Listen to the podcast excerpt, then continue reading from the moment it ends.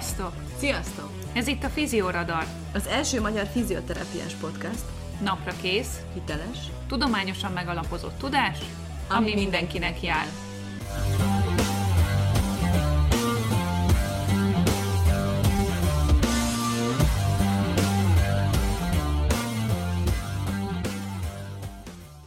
A műsorban elhangzottak nem minősülnek egészségügyi tanácsadásnak, sem egészségügyi oktatásnak vagy képzésnek, és nem helyettesítik azt. Minden információ tájékoztató jellegű és a figyelem felkeltését szolgálja. Sziasztok! Ez itt a Fizioradar újabb adása. Edina vagyok, a Fizioradar egyik műsorvezetője, és mint mindig itt van velem műsorvezető társam, Kati. Szia, Kati! Szia, Edina! Múltkor elég hideg volt a téma a jegelés kapcsán, hát most elég meleg van, tekintve, hogy itt a nyár, úgyhogy 35 fokban vesszük fel az adást, ennél jobb nem is lehetne. bemelegettünk a következő témára. Ami pedig mi is, Kati, mi a mai témánk? A mai témánkat ö, igyekeztünk úgy összeválogatni, hogy mindenki számára érdekes legyen, azoknak is, akik kifejezetten sportolókkal dolgoznak, de azoknak is, akik nem, viszont szeretnék mondjuk a gyakorlatok ö, repertoárját egy kicsikét felfrissíteni. Azoknak, akiknek nem fogunk újat mondani a mai adásban, nekik maximum megerősítésként tudunk információt szállítani azokról a gyakorlatokról, amik bizonyítottan csökkenteni tudják a csípő körüli panaszok, húzódások esélyét sportolás közben. Főként izomsérülésekről lesz szó.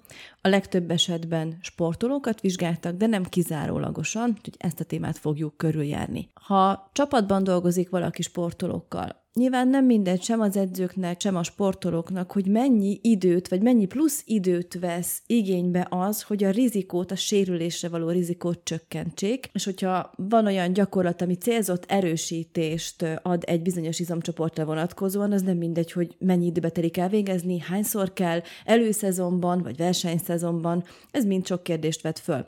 Úgy látszik viszont a szakirodalomból, hogy van egy-két olyan gyakorlat, ami önmagában is hatékony, és adott sorozatszámban és ismétlésszámban végezve nem kerül sok időbe, legfőjebb jellemzően egy 15 percet vesz igénybe, emiatt elfogadható az edzők és a játékosok számára is, viszont ö, tudjuk, hogy hatékony mind az izomerősítésre, mind pedig a rizikót csökkentésbe. A szakcikkek feldolgozása után pedig megpróbáljuk mindezt kontextusba helyezni, és kritikusan végig gondolni, hogy akkor mikor is, hogyan, miért alkalmazunk egy-egy gyakorlatot, tudunk-e egyáltalán általánosítani, vagy általános következtetéseket levonni, és hogy vajon egyedül csak ezek a gyakorlatok azok, amiknek a beépítése elegendő-e a sérülésprevencióhoz, vagy a rizikócsökkentéshez, vagy itt valami másra is szükségünk van.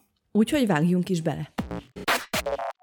Az első ilyen prevenciós gyakorlatunk az a Nordic Hamstring Exercise. A Nordic Hamstring gyakorlat végzése közben az alany térdel, a törzse pedig egyenes helyzetben van, tehát a térd fölött a csípő, a csípő fölött a melkas, melkas fölött a fej, tehát egy egyenes törzset képzeljünk el, ahogy a medence enyhén előre tolt helyzetben van, és a játékos, vagy hát az alanynak a bokáján, bokája rögzítve van, vagy egy társ az, aki segít ebben, tehát lefogja az illetőnek a bokáját, vagy pedig egy gép az, amiben rögzítve van az illetőnek a lába, vagy pedig rögzítő elem, amibe beakasztja az illető a lábát, és lassú, kontrollált mozgással törzse és a combja együtt mozdul. Tehát az egyenes helyzetet, ezt végig megpróbálja fenntartani, majd a talajhoz közeledve, ahol már nem bírja tartani az illető, ott a kezével előre támaszt, és leengedi a melkasát a talajra, majd pedig a kezével visszasegíti saját magát. Ennek a feladatnak a lényege, hogy ez a hamstring izomzatot egy excentrikus mozgásra kényszeríti. Ezt a gyakorlatot körülbelül 2008 óta vizsgálják. Mi most egy szisztematikus áttekintő vizsgálatot hozunk nektek. 2019-ből Nicole Van Dyke és társai 1950 és 2018 közötti szakirodalmat vizsgálták, vizsgálták meg. Olyan sérülés megelőző programokat kerestek, amiben ez a Nordic Hamstring gyakorlat szerepel, és a hamstring sérülések csökkenését is részletezik a studik. 15 vizsgálatot sikerült beválasztaniuk, amiből kettő 12 tanulmányban vizsgálták a nőket, a másik 13-ban a férfiakat, egy rögbi, egy ausztrál foci, egy baseball, és 12 pedig a futball, a labdarúgás területéről van. Profiktől az amatőrökig ifjúsági és hobbisportolók is ugyanúgy ö, részt vettek a kutatásokban, tehát egy eléggé szerteágazó szisztematikus áttekintő vizsgálatról van szó, és a programrendszer is ö, eltérő volt. Hat olyan vizsgálat volt, amiben csak ezt a Nordic Hamstring gyakorlatot végezték, mint prevenciós programot. Négyben pedig a Nordic Hamstring gyakorlatot a FIFA 11-es programmal egészítették ki. Amúgy ezt a FIFA 11-es programot, ezt ö, mellékeljük majd nektek a podcast leíratában, akit érdekel, az meg tudja nézni. Öt olyan szakcik volt továbbá, amiben a Nordic Hamstring gyakorlat gyakorlatot együtt a többi erősítő gyakorlattal végezték a bemelegítésben vagy a flexibilitást javító gyakorlatokban. Az eredményekben azt találták, hogy 8459 alany ból, akik közül 525-nek volt hamstring sérülése. Ez a Nordic Hamstring Exercise, ez a Nordic Hamstring gyakorlat alkalmazása átlagosan 51%-kal csökkentette a hamstring sérüléseknek a lehetőségét. Mind statisztikailag, mind pedig klinikailag jelentős csökkenésnek írják le. Azt azonban tudni kell, hogy ugye a fent említett okok véget nagy volt a statisztikai heterogenitás. Érdekességként a szerzők felteszik azt a kérdést, hogy na jó, akkor ezek alapján, az adatok alapján, kortól, nemtől és sporttól függetlenül, ha javaslom én ezt, mint terapeuta a páciensemnek, hogy a Nordic hamstring gyakorlatot végezze, akkor az tényleg csökkenteni fogja a hamstring sérülés esélyét? És a szerzők válasza egyértelműen az, hogy a részletes analízisek elvégzése után kijelenthetik, hogy igen, javasolható. A háttérben húzódó folyamatokat, hogy miért is javasolható ez a, ez a gyakorlat, erre két hipotézist hoznak fel. Az egyik az, hogy a gyakorlat végzése közben a fascikulusok hossza megnövekszik, ami védő hatású lehet, és a szarkomerek száma is nő. A másik pedig az, hogy növeli az izomerőt, ami szintén védő hatású lehet az izom számára. A következő tanulmány az állt és munkatársainak 2020-as longitudinális vizsgálata, amiben azt vizsgálták, hogy a Nordic hamstring gyakorlat hogyan hat az excentrikus maximális izomerőre, az izomegyensúlyra, továbbá, hogy ezek az adaptációk áttevődnek-e a sprint teljesítményre és a lendítés fázisának a mechanizmusára futók esetében. Arra is kíváncsiak voltak, hogy az általuk felépített edzés követően három hónappal milyen mértékben maradnak meg a tréning alatt látott, vagy a tréning eredményeképpen látott változások. 12 férfi sprinter különböző tréning háttérrel, különböző futásvolumennel vett részt a vizsgálatban. Mind gyakorlottak voltak az edzés terén, de konkrétan a Nordic hamstring gyakorlatot nem ismerték. Négy hétig végezték az edzést. Feladatuk az volt, hogy háromszor hármas ismétlésszámban heti összesen 27 ismétlést végezzenek, maximális intenzitással és megnövekedett feszülés alatt töltött idővel, amikor a hamstring megnyúlt állapotában van. A térd mozgástartománya 90 és 100 fok között volt, a gyakorlatok között 5 perc szünetet tartottak, és 15 fok per szekundum sebességgel kellett végezniük a gyakorlatot, amit előtte begyakoroltattak velük, tehát ők megtanulták, hogy mi ez a sebesség, amivel végezniük kell.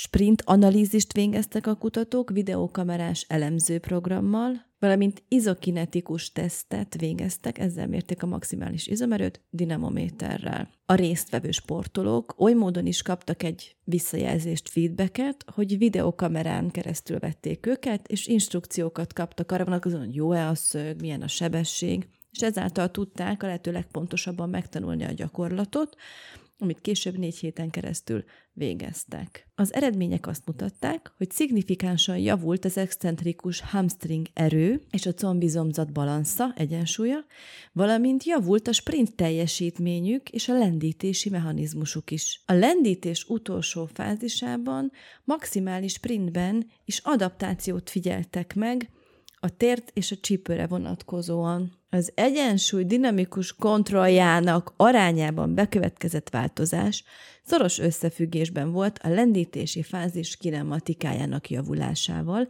amire maguk a kutatók sem számítottak. A fokozott izomerő és a hamstring funkció három hónap után is megtartott maradt. Után követték ezeket a sportolókat a négy hetes edzés befejeztével, hogy ugye megmarad, de három hónap utána az edzés hatás, és megmaradt. Ugye ez a vizsgálat a szisztematikus áttekintő, az előbb említett szisztematikus áttekintő vizsgálat után készült, úgyhogy ez is mutatja azt, hogy maga a Nordic Hamstring feladat az még mindig aktív kutatás alatt áll, és újabb és újabb információkat szereznek róla. Ez a legfrissebb, mm, Erről még nincsen olyan mértékű adat, hogy szisztematikus áttekintő vizsgálatot tudnának csinálni. Érdemes figyelni a szakirodalmat, mert tehát sok pluszt adhat a futótechnikának a fejlesztéséhez például, vagy a sebességnek a fejlesztéséhez is úgy tűnhet, hogy ez egy jó feladat lehet, nem csak prevencióra. Úgyhogy ezek egy érdekes kérdéseket vethetnek fel a jövőre nézve. A Nordic hamstringgel kapcsolatban elgondolkodtató lehet az, hogy esetleg csak ez az egyetlen egy gyakorlat van, ami, ami valóban prevenciós jellegű. White és társai 2019-es kutatásukban valami hasonló kérdést tettek föl. Ez egy randomizált, kontrollált kísérlet volt, aminek az alapját az a gondolatmenet adta, hogy ha páros lábbal végzett feladatok közben a nem érintett végtag besegít, vagy besegíthet, és kompenzálhat, akkor kevésbé fejlődik az érintett izomcsoport, hogyha nincsen megfelelő instrukció. Ezért esetlegesen egy egylábbal végezhető gyakorlatnak nagy jelentősége lehet. Erre egy olyan statisztikai adatot hoztak, hogyha a két végtag közötti izomasszimetria az 2,4 és 3,8 százalékkal tudja növelni a hamstring sérüléseknek az esélyét. Úgyhogy az, hogy a két végtag között milyen diszbalansz van, az igenis fontos lehet abból a szempontból, hogy megsérül-e a hamstring izom, vagy nem. Egy négy hetes programban vizsgálták meg a Nordic hamstring gyakorlatot egy csípő extenziós gyakorlattal összevetve.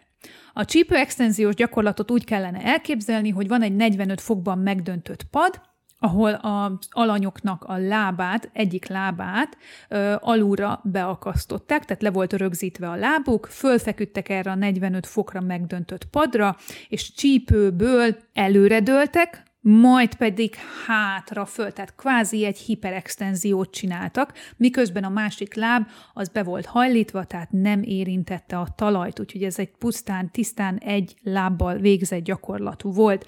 26 alanyt vizsgáltak meg, randomizálták az alanyokat, és a négy hét alatt heti két alkalommal végezték az edzéseket, ugye a másik edzé, edzés csoport az pedig ugye a Nordic Hamstring volt, és azt feltételezték, hogy a, azok, akik az egy lábbal végzett gyakorlatokat csinálják, őnáluk ugye az aszimetria az jobban fog csökkenni, és hogy ugyanúgy tudja növelni a hamstringnek az izomerejét, de az eredmények erre rácáfoltak, mivel nem volt különbség a két csoport között. Tehát visszanézték őket, és ugyanúgy, ugyanolyan arányban láttak asszimetriákat az egylábas csípő extenziós gyakorlatot végzők körében, mint a Nordic hamstring gyakorlatot végzők körében, Viszont van egy nem szignifikáns adatuk is, hogy mégiscsak azok, akik a Nordic hamstring gyakorlatot végezték, őnáluk az excentrikus hamstring izomerő jobban növekedett, mint csípőextenziót végzőknél, tehát ez is a Nordic hamstring gyakorlat mellett szól. Annyira szuper szerintem, hogy van egy ilyen gyakorlat, amiről konkrétan be tudták bizonyítani, hogy valóban hatékony, nem csak hogy izomerősítésben, hanem prevencióban is, és szerintem nagyon sok sportoló és sportágban az edzés tekintetében örülhetnek ennek, mert hogy egy gyakorlatot kell elvégezni, adott ismétlésszámban, nyilván jellemzően hármas sorozatban, ami ugye rendkívül időhatékony. Tehát, hogy nem adok gyógytornászként, vagy mit tudom, és sportfizioterapeutaként egy plusz fél órás tréningprogramot, mert attól mindenkinek guvadna a szebe szerintem a sportolók között, de hopp, itt van plusz 5-15 perc, azt még csináld meg, és bizonyítottan, szignifikánsan jobb lesz az izomerőd, és kevesebb eséllyel sérülsz meg. Ez szerintem szuper. Ez, szerintem is nagyon szuper, és bár ugye a sportolók körében készült a legtöbb kutatás, azért mégiscsak ez a hobbi futóknak is, a hobbi sportolóknak is, vagy esetlegesen bárkinek, aki mondjuk amúgy edzené a hamstring izomzatát, akár konditeremben is. Tehát ugye a nagy számadatok alapján a szerzők nagy magabiztossággal állították, hogy igenis szinte bárkinek ajánlható ez a gyakorlat, és tényleg növeli a mozgástartományt is, tehát ez egy aktív nyújtó feladat igazából, ami nagyon sokat tud számítani, és akár javíthatja bármilyen sport teljesítményt, ki tudja, lehet, hogy még jogázóknak is szuper lenne, mert lehet, hogy még jobb mozgástartományt tudnának elérni. Szóval érdekes kérdéseket vet fel. Igen, és ennyi erővel bárkinek ajánlható, mert ha mondjuk van egy térdoperált páciensed, aki szeretne futni. Ugye azért itt beleszól a Covid is legalábbis az én környezetemben azt látom, hogy sokan elkezdtek futni, esetleg még azok is, akik korábban nem annyira futottak, vagy aki akár gyalogol, vagy nem tudom, nordic walkingozik, bármi hasonló mozgásformában is hatékony, és jó lehet ezzel kiegészíteni az edzést. És volt már úgy, hogy elakadtam, hogy hű, most akkor milyen gyakorlatot kéne még, és ez egy remek ötlet. Ö, elsőre nagyon drasztikusnak tűnhet, aki mondjuk nem ismeri, hozzáteszem mindegyik feladatról, amiről a mai nap szó lesz, egy-egy videót is mellékelni fogunk, amit a YouTube-on tök könnyen amúgy, ha beírjátok, ti is találtok ezerféle variációt, vagy az Instagramon, tehát nagyon, nagyon profi sportolókat lehet látni, ahogy így szinte játszik könnyedséggel hajlonganak előre-hátra, és olyan, mintha ez meg se kottyanna. Tehát amikor én a pácienseimmel ezeket a feladatokat elkezdem, akkor azért néha nem csak izzadságcsepp, de könycsepp is kicsordul, mert azért elég nehézek ezek a feladatok, és tényleg egy darabot megcsinálni is, hát ember legyen a talpán. Viszont érdekes, mert erre is volt egy szadi, ezt most nem, nem kezdjük el kirészletezni, de azok az emberek, akik a leggyengébbek amúgy ebben a feladatban, ők tudnak a legtöbbet, legnagyobbat fejlődni. Úgyhogy ez azért egy nagyon érdekes dolog, úgyhogy ebben van potenciál. Tehát azért, mert valakinek először ez nem megy, vagy nehéz, az nem azt jelenti, hogy soha nem fogja tudni megcsinálni, hanem igenis fog tudni fejlődni, és egy csomó pozitív hatás fog vele feltételezhetően együtt járni. Természetesen nem mindegy, hogy a rehabilitáció melyik szakaszában tesszük be. Nekem személy szerint ott szokott elakadásom lenni, mikor már tényleg minden jól megy, haj, már annyira kéne neki, most már személyedző kéne neki, de ott mégis ott át tudnám én hidalni, ha többet tudnék. Szerintem ez egy nagyon jó gyakorlat lehet erre, hogy ott a vége felé igenis, lehet, hogy tényleg csak rekreációs sportolóról van szó, nem biztos, hogy futni szeretne, lehet, hogy más sportot végez, de ha érintett volt az a terület, csípő körüli problémánál, azért a rehabilitáció végső szakaszában, vagy ha valaki fiatalabb és ügyesebb, nyilván személyre adaptáltan, akkor ez egy remekül alkalmazható gyakorlat, és tudjuk, hogy tudományosan alátámasztott.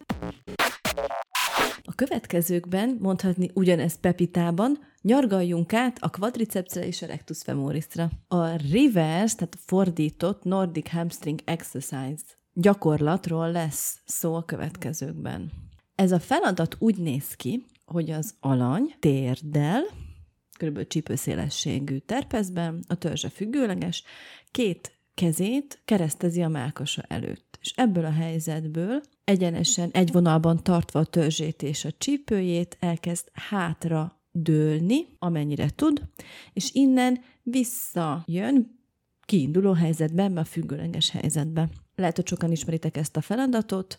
Nézzük meg, hogy van-e rá evidencia, milyen hatással bír a combizomzatra, illetve hogy van-e prevenciós hatása. Fernández és munkatársai 2018-ban azt vizsgálták, hogy van-e az izom felépítési karakterisztikára hatása ennek a feladatnak, ennek a gyakorlatnak. Az volt a hipotézisük, hogy az excentrikus erő hatására, mert ugye, ha kipróbáljátok, vagy megnéztek, az egyértelmű, hogy ez is egy excentrikus feladat, tehát az excentrikus erő hatására szignifikáns változások következnek be az izomfaszcikulák hosszában, az izomvastagságban, a tollazat szögében és a keresztmetszet területén. 22 férfi alanyt vizsgáltak 13 hétig, amiből 8 hétig tartott a tréning.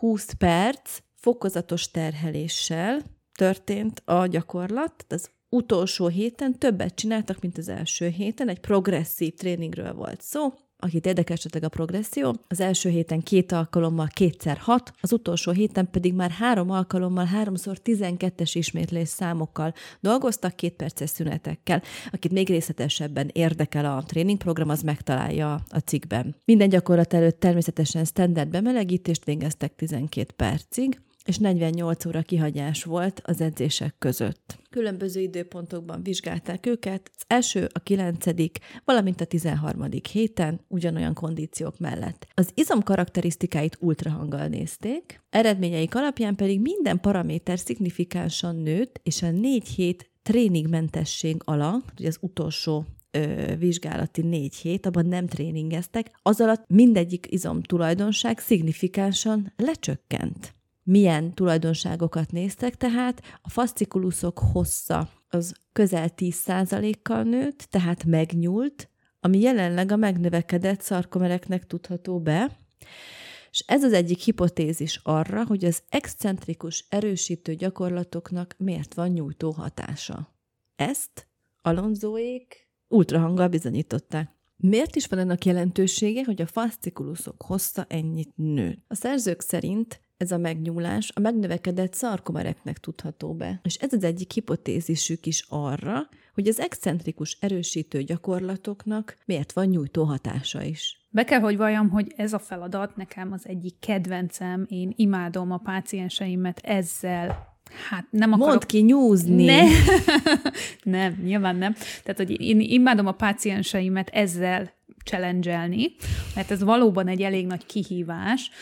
A rehabilitációban és a meniszkusz műtétek utáni rehabilitációban azok a pácienseim, akiknél ezt a feladatot végzem, ott egyszerűen látványosan megnő a tért flexiónak a romja már egy gyakorlás után is. Tehát ezt úgy képzeljétek el, hogy a, amikor már tud térdelni a páciens, amikor már a sérülés, a hegek, ugye a behatolási felületek már nem érzékenyek, nincsen duzzanat, tehát egy teljesen nyugodt területtel dolgozunk, akkor ezt a feladatot, amikor amikor elkezdjük csinálni, akkor pusztán ugye egy tesztet kérek, hogy le tud-e ülni az illető a sarkára, hát ugye teljes rom megvan-e. És mondjuk van 15 centi különbség az ülőgumó és a sarok között. Na most ezzel a feladattal egy tízes ismétlés számmal konkrétan 5-6 centit tudok csökkenteni egyetlen egy alkalom alatt. És olyan pácienseknél is jól működött, akiknek például nem volt semmilyen megelőző sérülése, csak mondjuk limitált volt a mozgástartománya. És hozzáteszem azok, akik derék derékfájdalommal jönnek hozzám, és például a csípő, hajlítójuk feszesebb, Náluk már csak maga a pozíció felvétele, és az, hogy a gluteuszt aktiválja, és előre próbálja tolni a medencét ebben a térdelő feladatban, és egy fokot, kettőt próbál hátradőlni. Tényleg látványos eredményeket lehet vele elérni. Ebből is látszik, hogy ugye, amikről most beszélgettünk, mennyire komplex feladatok, és akár nem csak sportolóknál, nem csak futóknál tudjuk ezt használni. Nyilván, hogyha van egy ilyen probléma a quadriceps erősítése alapból, ugye, de amit Kati is mond, mivel ennyire komplex, ezért egyszerre több legyet üthetünk egy csapásra, több mindenre tudunk hatni, és akkor ha már az időhatékonyság szóba került, ez nem csak egy él sportoló csapatnak lehet azért fontos, hanem fizioterápia hétköznapjainkban, és a fizioterápiás praxisunkban is, mert nekünk is és a páciensünknek is fontos az időtényező, és minél hamarabb érez a páciens fejlődést, annál jobb. jobb. Ez így van, annál jobb mindenkinek felmerülhetett bennetek az a kérdés, hogy van-e más olyan feladat. Úgyhogy vissza kell nyúlnunk 2010-be, ahol Brugelli és társai egy professzionális futballjátékosok körében végzett vizsgálatából egy pár elemet ki tudunk emelni, mert ők nem csak a Reverse Nordic Hamstring gyakorlatot, hanem még három másik feladatot is végeztettek. Ez esetleg egy kicsit ötletet adhat nektek is, hogyha a combra szeretnétek hatni excentrikusan, akkor milyen lehetőségeink vannak még. Tehát ők szezon előtti időszakban lévő profi focistákat vizsgáltak meg, 29 főt, és egy 4 hetes excentrikus tréning keretén belül arra voltak kíváncsiak, hogy milyen hatással van ez az excentrikus tréning a térd optimális flexor és extenzor hosszára. Tehát, hogy itt is hosszról beszélünk és az excentrikus gyakorlatok mind a térd flexió és mind a térd extenzió optimális hosszában növekedést eredményeztek. Úgyhogy mind a négy feladatot érdemes esetlegesen figyelembe venni. Tehát az egyik a reverse nordic hamstring gyakorlat, ezt előbb Edina már elmondta, hogy hogyan is néz ki. A második gyakorlat, ez egy googolásba való lelandolás volt. Ezt úgy kell elképzelni, hogy egy doboz szélére fellép az illető, az egyik lába a levegőben van, majd szép lassan lejti magát, és egy googolásba érkezik a doboz mellé. A második egy kitöréses pozíció, egy kitöréses pozíciót kell elképzelni, ahol a két tenyere az illetőnek a falra feltámaszkodik, és kvázi el akarja tolni a falat a lábából. Tehát a láberőt használ arra, hogy a falat megpróbálja eltolni, a harmadik, ez egy társas gyakorlat. Vegyük most egy hevedert, egy heveder ellenében fut a társunk, amit a páciensünk visszatart. És ez a visszatartás, az a folyamatos visszatartás, visszahúzás, ez kreál egy excentrikus erőt a quadricepsben. Úgyhogy ez az a négy feladat, amit ők használtak ebben a négy hetes tréningben. Mind a flexor és mind az extenzorizmuk optimális hosszát növelni tudta. Én személy szerint talán kevesebbet használom az excentrikus gyakorlatokat, mint kéne. Szóval, hogy így, hogy ezt a podcast adást megcsináltuk, Kati, az én ö, rálátásom már is megváltozott a dolgokra. Ha bárkinek ez hozzátett még, akkor az szuper, de minden esetre próbáljátok ki, ha eddig nem voltatok bátrak így az excentrikus feladatokkal, vagy nem annyira került a látószöget, nem volt megszokott a saját látószögedben ez a fajta feladat, akkor igenis próbáljátok ki, valószínű, hogy jóval nagyobb, vagy nem tudom ki mennyire használja tényleg, de hogy jóval nagyobb létjogosultsága van ennek, mint talán úgy általánosságban mi használjuk. De persze nyilván mondom, eltérő a praxisunk, mindenki mást alkalmaz, aki sportolókkal foglalkozik, biztos, hogy használja, de aki nem, vagy csak rekreációs vagy hobbi sportolókkal, hát na, szóval lehet, hogy hozzá tudnánk tenni ezekkel a hatékonyabb tréninghez.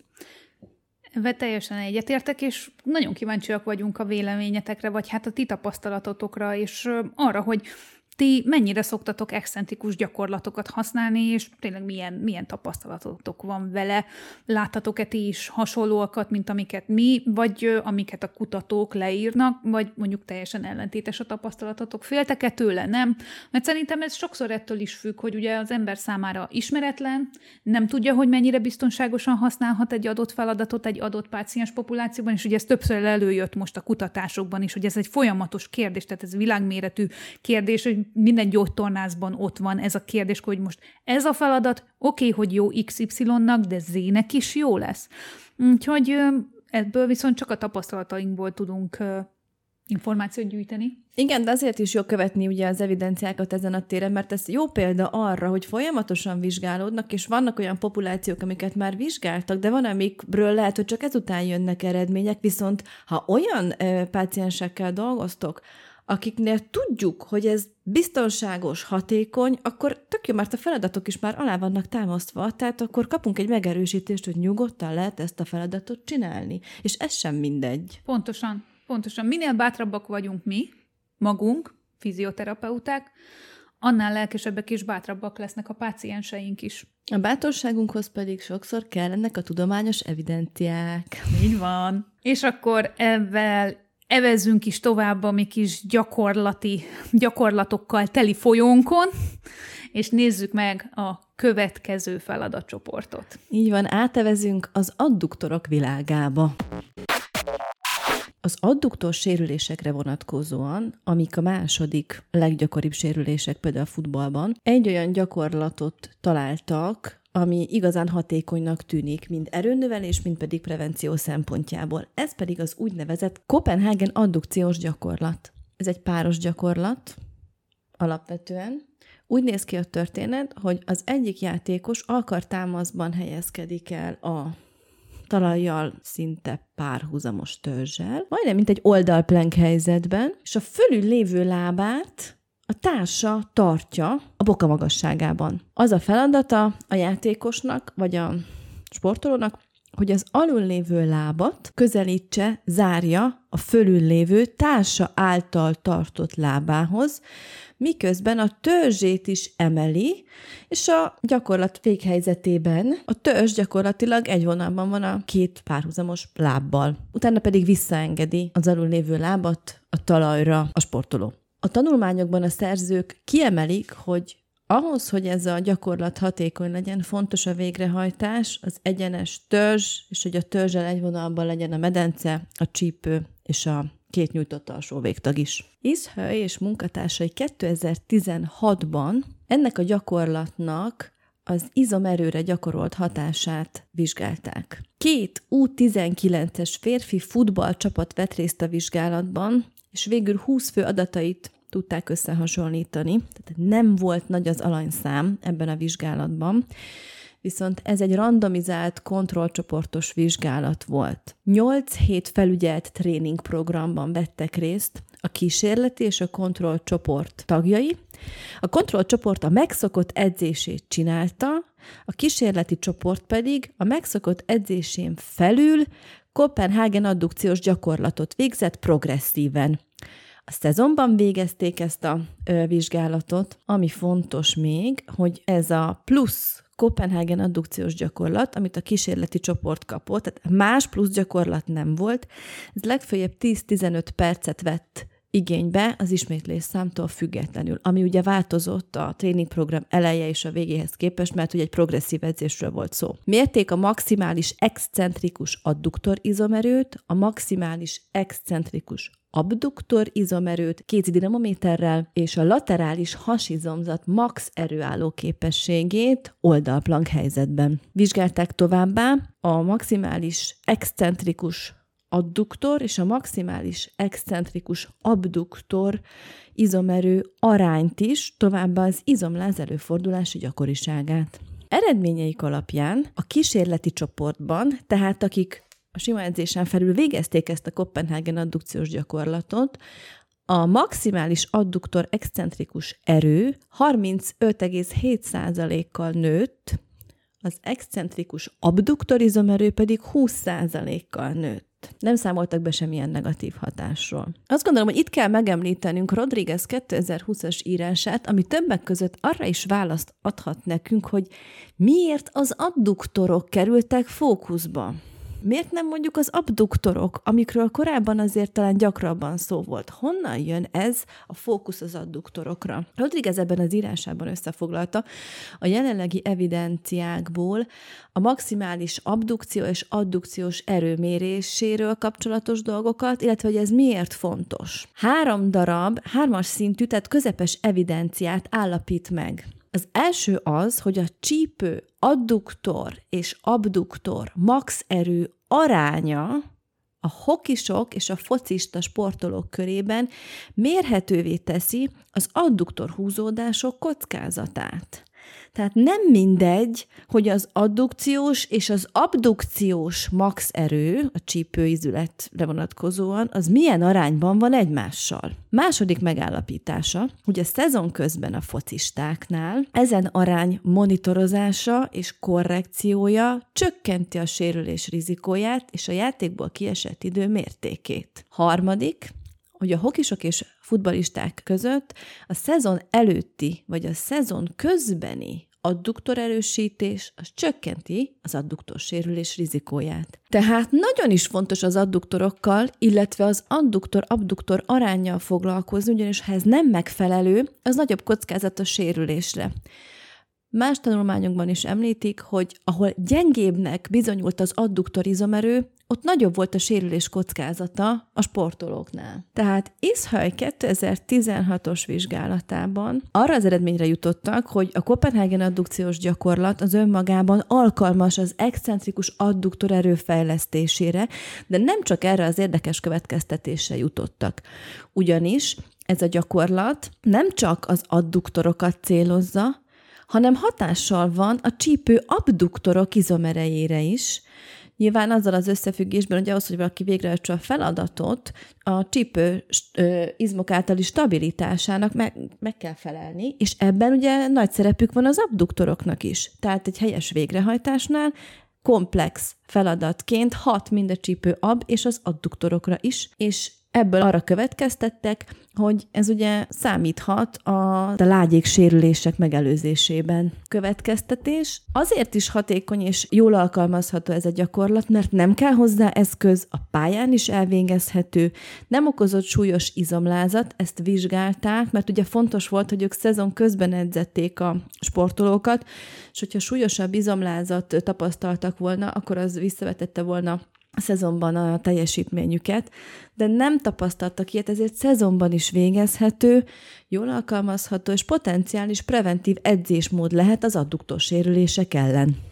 Szóval az izomerőről már kaptunk egy képet a Copenhagen addukciós gyakorlattal kapcsolatban, és ahogy már Edina az előbb említette, arra is vannak sejtések, vagy hát eddig csak sejtések voltak, hogy van-e bármilyen prevenciós hatása, úgyhogy Haroly 2019-es vizsgálatában ezt meg is nézte. A, arra voltak kíváncsiak, hogy a Copenhagen addukciós gyakorlatban a lágyék problémák előfordulása milyen arányban változik, hogyha ugye végzik ezt a gyakorlatot. 35 fél profi norvég futballcsapat vett részt a vizsgálatban, tehát összesen 652 játékost néztek meg.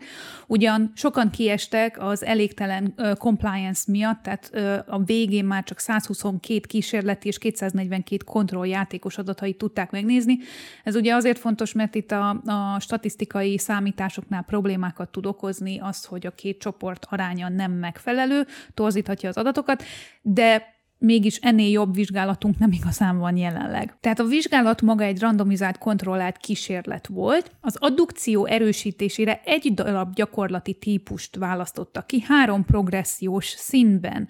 Tehát meg volt adva egy könnyű, közepes és egy erős szint. Heti háromszor végezték a feladatokat 6-8 héten át előszezonban, és heti egyszer pedig versenyszezonban. A kontrollcsoport hagyományos, megszokott edzést csinált, tehát abban a Copenhagen addukciós gyakorlat nem szerepelt.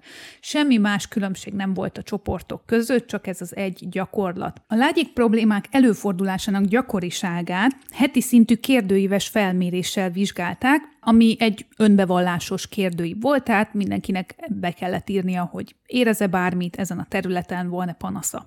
Az az alany, aki az adatokat gyűjtötte, ő nem tudta, hogy a vizsgálcsoportban, vagy pedig a kontrollcsoportban levő emberektől gyűjti be az adatokat, tehát ő vak volt a kísérlet szempontjából. Az eredmények között azt találták, hogy a kísérleti csoportban 41%-kal kevesebb volt a lágyék problémák gyakorisága a kontrollokhoz képest. Egy kisebb fajta kritikát fogalmazott meg Iszhöly a 2019-es szisztematikus áttekintő vizsgálatában, amiről Edina egy pillanat múlva beszélni fog, hogy ők mindenféle lágyék problémát, lágyék érzetet, fájdalmat, kellemetlenséget, mindent belevettek, nem pedig csak a súlyosabb sérüléseket, úgyhogy innentől kezdve a prevenciós hatás egy kicsikét elmosódott, tehát nem tudunk egyértelmű következtetéseket levonni, de azért mégiscsak ígéretesek ezek a számok. A szerzők a következtetésükben felhívják a figyelmet arra, hogy a klinikusoknak a jövőben a Copenhagen addukciós gyakorlatot érdemes beletenniük a normális futballtréning elemei közé, valamint a FIFA 11-es prevenciós programba is specifikusan ezt az addukciós gyakorlatot, és ennek mind a három fokozatát, mert hogy nagy előnyökkel járhat. Két szisztematikus áttekintő vizsgálatot szeretnék még említeni ezzel kapcsolatosan. Az egyik Perez Gomez és munkatársainak 2020-as tanulmánya, amiben kifejezetten az adduktor, a csípő adduktorok maximális izomerejét vizsgálták, főként focisták között. Három randomizált kontrollcsoportos vizsgálatot választottak be, ugyanis ez is mutatja azt, hogy nem áll rendelkezésre egyenlőre kellő tudományos vizsgálat arra, hogy egy nagyobb áttekintő tanulmányt készítsenek, és ebben a szisztematikus vizsgálatban 16-17 éves korosztályt vizsgálták. Egy tanulmányban előszezon, ban, két tanulmányban pedig szezon közben végezték az edzéseket, illetve a speciális tréningprogramot, ami az adduktorokat célozta. Összesen 79 főadatait hasonlították össze. Az volt a konklúziójuk, hogy a Copenhagen addukciós gyakorlat 8 héten át végezve heti két-háromszor hatékony a maximális excentrikus csípő-adduktor izomelő növelésre focisták esetében. Az evidencia szintje főként a nagyobb heterogenitás miatt alacsony, tehát ugye elég különböző volt az összetétel a csoportoknak, viszont jól tolerálható a feladat, erre utal az, hogy igen, magas volt a compliance, tehát a részvétel a vizsgálati csoportban, tehát megcsinálták a sportolók ezeket a feladatokat, nem volt probléma, nem számoltak be ö, ellentétes vagy negatív hatásról, nem volt ugye súlyos izomlázuk, viszont a feladat azért is jól alkalmazható, mert praktikus, eszköz nélküli pályán végezhető, és jellemzően legfeljebb 15 percet vesz igénybe. A szerzők javaslatot tesznek további vizsgálatokra is, a Kopenhágen addukciós gyakorlat más korcsoportokban, más sportolói szinteken, és más sportágakban való vizsgálatára, valamint az esetleges ideális időtartam sorozat és ismétlés számra vonatkozóan is. A következő pedig Iszhely 2019-es Systematic Review-ja, amelyben a négy leggyakoribb sport izomsérülést nézte, vizsgálta, diagnózisra, prevencióra és kezelésre vonatkozóan. Azért ezt a négyet vizsgálta, mert ezek a leggyakoribb izomsérülések, főként a futballra vonatkozóan. A hamstring sérülések kb. 37%-ot tesznek ki, az adduktor sérülések, amiket már említettünk, hogy a második leggyakoribb izomsérülések olyan 23%-ot, az előső comb, quadriceps, rectus femoris sérülések 19%-ot, bár találtunk olyan adatot, ami szerint 29, illetve a vádli sérüléseket vizsgálta, de ezekre most nem fogunk kitérni, ugye, mert a fókuszban most a csípő és a tért körüli izomzat van. Az említett sérülések gyakorisága a szerzők szerint nem változott a futballban az elmúlt évtizedekben. A négy sérülésre vonatkozóan azt találták 44 tanulmány eredményeit, adatait összehasonlítva, hogy a hamstringre elég egyértelműen kijön az, hogy a nordik hamstring gyakorlat, amiről már beszéltünk, annak van valódi prevenciós hatása az izomsérülésre vonatkozóan. Itt volt több moderált vagy magas ö, minőségű evidencia is. Az adduktorokra vonatkozóan csak nem szignifikáns sérülés kockázat csökkentést találtak, a Kopenhagen addukciós gyakorlatra vonatkozóan. A rectus femoris, quadriceps és az előső combizomzat sérüléseire vonatkozóan nem nagyon voltak vizsgálatok, és amiket találtak, azok is alacsony minőségűek, és egyik sem nézte elsődleges szempontként a prevenciós hatását a quadriceps gyakorlatoknak. Quadricepsre vonatkozóan mindazonáltal a legjobb kvalitású evidencia, a legjobb minőségű evidencia az a FIFA 11 Plus programja volt, összehasonlítva az általános tréninger, amely egy 27%-kal kevesebb sérülés kockázatot eredményezett a hagyományos edzéshez képest. További magas minőségű vizsgálatok szükségesek a szerzők szerint ezek alapján. És végezetül pedig már többször említettük ezt, hogy azon kívül, hogy ugye a randomizált, kontrollált kísérletek, szisztematikus áttekintő vizsgálatok, metaanalízisek eredményeit fontos követni, azért mégis érdemes egy-egy szakembernek a gondolatait, véleményét, összegző elképzeléseit is megnézni, vagy például a valamilyen témával kapcsolatban egy kritikus gondolatot megfogalmazó szakembernek a véleményét elolvasni, mert ez számunkra is gondolatébresztő lehet. Úgyhogy itt a legvégén Short és Tuttle 2021-es klinikai kommentárját szeretnénk még veletek megosztani, ami arról szól igazából, hogy mekkora szakadék van a kutatás és a klinikai gyakorlat között az elit sportban a sérülés prevenciót illetően. A legelső pontban a két szerző fölteszi azt a kérdést, hogy valóban elérhető a prevenció, de szerintük ez inkább csak egy álomkép, és helyette sokkal inkább a sérülés rizikójának a csökkentéséről kellene beszélnünk. De miért is van ez? Egy úgynevezett komplex rendszer megközelítést említenek a szerzők, ami azt akarja, hogy számos összefüggő faktor járulhat hozzá a sérülésekhez, melyek mérsékelhetőek vagy közvetíthetőek belső vagy külső faktorok által. Ezek a faktorok folyamatosan dinamikus áramlásban vannak egymással, és akár az alvásban, akár a diétában, vagy a különböző stresszorok szintjében bekövetkezett legkisebb változás is módosíthatja ezt a dinamikát, És a megelőző sérülésekről, vagy a megnövekedett versenyterhelésről már ne is beszéljünk. Tehát ezek a faktorok mind-mind fontosak, és hozzájárulnak ahhoz, hogy egy sportoló meg fog-e sérülni, vagy nem fog megsérülni. Arról, hogy valóban prevencióról beszéljünk, nekünk minden egyes faktorra ráhatásunknak kellene lenni, ami valljuk be tényleg lehetetlen. Tehát a rizikó csökkentés az, amiről valóban beszélnünk kell, és talán ez egy fontos üzenet lehet számunkra is, amikor azt a szót használjuk, hogy prevenció. Ez csak egy kis elgondolkodtatásképpen. A szerzők továbbá azt is hangsúlyozzák, hogy nem mindegy, milyen szinten játszik egy játékos, és milyen sportot űz, és milyen nemű. Ugyanis a kutatások csak egy kis része terjed ki a különböző sportokra, akár földrajzilag, akár sportklubokról legyen szó. Tehát ezek a tudományos eredmények, amik külön-külön területeken generálódtak, ezek nem általánosan felhasználhatóak. Tehát, hogyha egy ö, egy nagyon jó példát hozott fel a két szerző, hogy a legtöbb információ a hamstring és az adduktor izom húzódásával kapcsolatosan az ugye az excentrikus tréning és a megfelelő ö, szezon előtti sportspecifikus tréning és a nagysebességű futásnak a megfelelő dozírozása. Tehát ez a három az, ami a leginkább preventíven hat, ugye a sportolóknál a hamstring és az adduktor izom húzódásokra. De kosárlabdázóknál a hamstringnek inkább lassító szerepe van, és a lassító szerepe miatt alakul ki sérülés a hamstring izomzatban. Tehát a sport típusa miatt soha nem éri el egy kosárlabdázó a maximális sebességét a pályán, mint például mondjuk egy futballnál, vagy egy hosszú távfutásra, vagy egy sprintnél. Tehát plusz a kosárlabdát, ha vesszük még továbbá, a nap, négy nap alatt három meccs, ez egy nagyon gyakori ütemezés a kosárlabdázók körében, ami csökkent regenerációs időt is jelent, úgyhogy ebben az esetben valóban mondhatja a szakember, hogy a Nordic hamstring gyakorlat vagy a sprintelés az biztonságos és a sérülés megelőző hatású.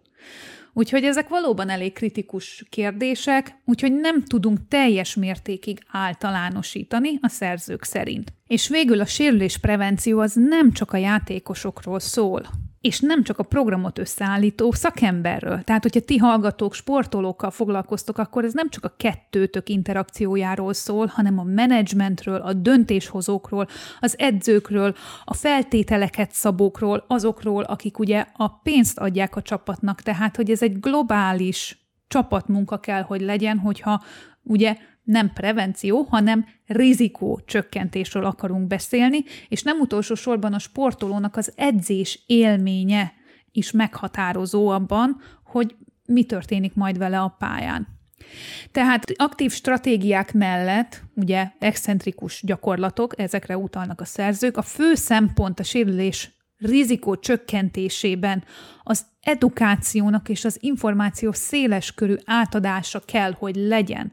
Tehát itt is visszatérünk oda, ahol nem tudom, 12 adással ezelőtt elindultunk, Edina, hogy az edukáció, az, hogy a páciensekkel kommunikálunk, az teljesen széles körben ki kell terjeszteni, mert egészen addig nem fog igazából változás bekövetkezni a, a sérülés rizikó csökkentésében, amíg ez nem egy kollektív, szisztémás lépésként valósul meg. Semmilyen szinten nem könnyű, tehát ezek alapján annak a dolga, aki sportolókkal foglalkozik, vagy szeretne a jövőben foglalkozni, viszont nyilván az a jó, ha van benne kihívás, nagyon széles körű, sok mindenre kell gondolni. Clinical reasoningtől kezdve ugye arra, hogy hassunk ugye a menedzserre, az edzőre, akár a masszörre, a klubtulajdonosra, és hogyha mondjuk fiatalabb sportolókról van szó, akkor a szülőkre, családtagokra, tehát azért elég ö, széles körű ez a történet, vagy szerteágazó.